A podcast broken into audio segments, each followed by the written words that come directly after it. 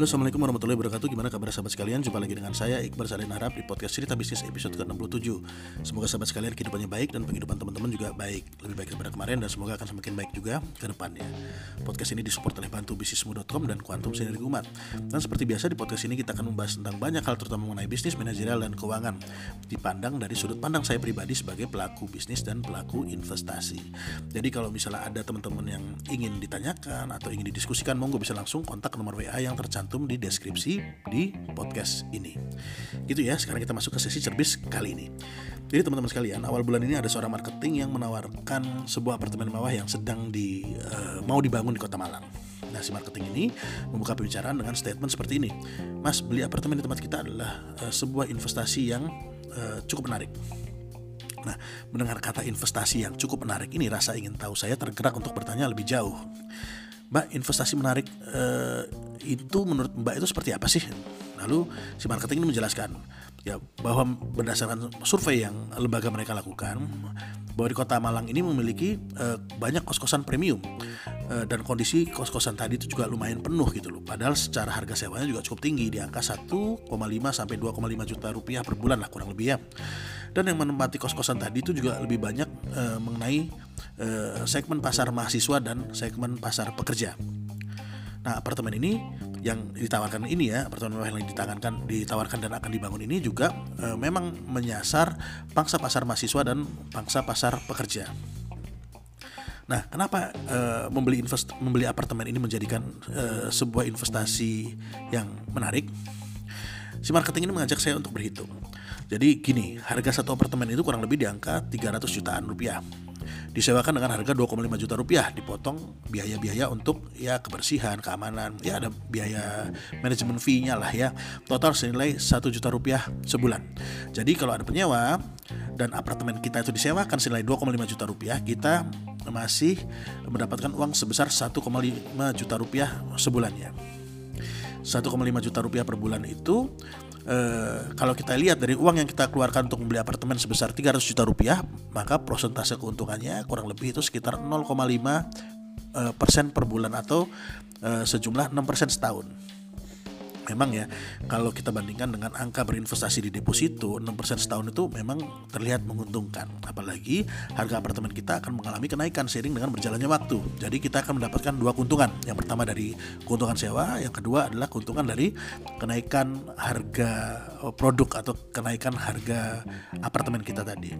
Kalau di deposito kan investasi awal kita kan tidak akan mengalami penambahan. Misalnya kita in, uh, deposito 300 juta maka ya sampai 10 tahun juga tetap 300 juta juta gitu loh. Nah menurut saya memang hitung-hitungan tadi itu cukup menarik Tapi kurang lengkap gitu loh. Memang nggak salah tapi ada yang kurang lengkap menurut saya. Hitungan tadi itu bisa dipakai kalau misalnya kamar kita itu ada yang nyewa. E, Dari sekian kamar yang dijual oleh pengelola Saya tanya apakah pengelola yakin bahwa 100% kamar itu akan terisi oleh penyewa. Nah, ketika saya tanyakan hal tersebut, ternyata mereka pun tidak yakin bahwa kamar uh, apartemen tadi itu akan bisa terisi semua. Lalu saya tanya, nah kalau pas kamar saya nih, misalnya nggak ada penyewanya, maka kan saya harus tetap mengeluarkan service fee kan, sebesar satu juta rupiah setiap bulannya. Lalu mereka bilang, iya service fee itu memang tetap ada setiap bulannya. Nah kalau kayak gitu kan pengeluaran ada, tapi pemasukan nggak ada. Nah kondisi seperti itu saya nggak bisa bilang bahwa itu uh, adalah investasi yang menguntungkan gitu loh karena pemasukan nggak ada pengeluaran tetap. Nah jadi uh, bagi teman-teman sekalian yang berjualan produk properti baik itu rumah, apartemen dan lainnya, menurut saya jangan terlalu mudah lah mengiming-iming calon konsumen dengan kata-kata investasi. Memang kata investasi itu terdengar sangat menggoda bagi calon konsumen, apalagi buat calon konsumen yang memang nggak begitu paham mengenai apa itu investasi ketika investasi dirasa merugi, si konsumen tentunya akan apa ya komplain habis-habisan lah karena hidup mereka uh, bukan terasa lebih ringan, malah ada beban yang mereka tanggung. Maunya kan mereka dapat untung 1,5 juta rupiah setiap bulan, tapi karena tidak ada penyewa, mereka harus mengeluarkan 1 juta rupiah untuk membayarkan membayar service fee tadi. Nah, uh, apa ya hal ini juga termasuk salah satu faktor yang membuat iklim investasi kita jadi kurang baik teman-teman sekalian. Orang jadi males untuk berinvestasi orang jadi enggan untuk berinvestasi. Dan bagi teman-teman pendengar sekalian ya memang kita tidak bisa menyalahkan uh, para penjual tadi ya 100% karena apa? Karena keputusan untuk menjawab ya atau tidak itu bukan di tangan orang lain teman-teman sekalian tapi ada di tangan kita sekalian sebagai calon konsumen. Sehingga teman-teman yang mau berinvestasi sebaiknya mengetahui benar di mana teman-teman akan meletakkan uang kalian gitu loh. Mengetahui apa uh, produknya itu apa, terus mengetahui kelemahannya itu apa dan mengetahui juga bahwa potensi ke depannya seperti apa. Karena kita di sini akan berinvestasi, bukan berjudi.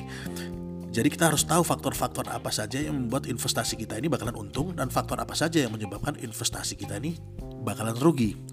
Ya kita perlu buat pro dan konsnya lah ya. Eh, ketika kita merasa yakin bahwa pro-nya itu lebih banyak dan lebih berbobot daripada konsnya nggak perlu lebih banyak lah. Lebih sedikit juga nggak apa-apa tapi lebih berbobot daripada konsnya ya mungkin itu bisa jadi apa ya salah satu tolok ukur bahwa wah ini investasi yang cukup menarik. Apalagi ketika konsnya itu bisa dikelola sehingga potensi ruginya bisa jadi lebih kecil. Nah itu akan jadi lebih baik lagi Nah setelah teman-teman misalnya pelajari eh, aspek-aspeknya dan teman-teman tetap merasa nggak yakin, ya mending teman-teman sekalian nggak perlu ikut, nggak perlu sungkan untuk menolak penawaran yang memang anda tidak kuasai ilmunya. Sekali lagi teman-teman sekalian jangan terlalu mudah teriming-iming kata investasi. Uh, apa ya? Khawatir boleh, tapi alergi jangan. Sehingga jangan e, begitu mendengar penawaran investasi pikirannya udah penipuan gitu loh. Padahal nggak selalu seperti itu. Jadi bijak-bijaklah dalam mengambil sikap. Oke, jadi kesimpulannya gimana nih? Apakah uh, apa namanya uh, apartemen itu jadi saya ambil? Ya menurut saya penawaran untuk membeli apartemen yang ditawarkan tadi itu tidak menarik. Kenapa? Ada tiga poin. Poin pertama adalah apartemennya masih akan dibangun ya dan diproyeksikan selesai dua tahun lagi. Artinya nih kalau saya beli sekarang saya baru bisa menerima uang sewa dua tahun kemudian. Itu pun kalau misalnya sudah ada yang nyewa gitu loh Loh tapi kan ada kenaikan harga bangunannya. Ya kalau kayak gitu mending saya beli rumah aja 300 jutaan saya udah dapat rumah tipe 36 dengan luas tanah sekitar 80 sampai 90 90 meter persegi dan dibangun selama 4 sampai 6 bulan kurang lebih dan bisa langsung saya sewakan lebih cepat prosesnya. Poin yang kedua adalah ketika saya memutuskan untuk membeli apartemen, maka secara otomatis saya telah menyerahkan ya, menyerahkan kedaulatan saya kepada manajemen apartemen. Kenapa? Karena semua sudah diatur oleh mereka. E, misal ya, uh, saya mau masukin barang itu ada biayanya. Saya mau melakukan apa itu sudah juga ada uh, biayanya. Bahkan ketika investasi yang dihitung di awal misalnya meleset, mereka pun juga nggak rugi. Begini saya kasih gambaran sederhananya. Misal ya, ada 500 unit apartemen. Nah, semua unit pasti bayar service fee kan ke manajemen. Dan uh, manajemen uh, berusaha agar semua unit itu bisa tersewa. Tapi ketika ada beberapa apartemen apartemen yang tidak tersewa dalam jangka waktu cukup lama, tentu pemiliknya akan komplain ke manajemen. Wah gimana nih? Katanya manajemen bisa bantu agar apartemen kami bisa tersewa.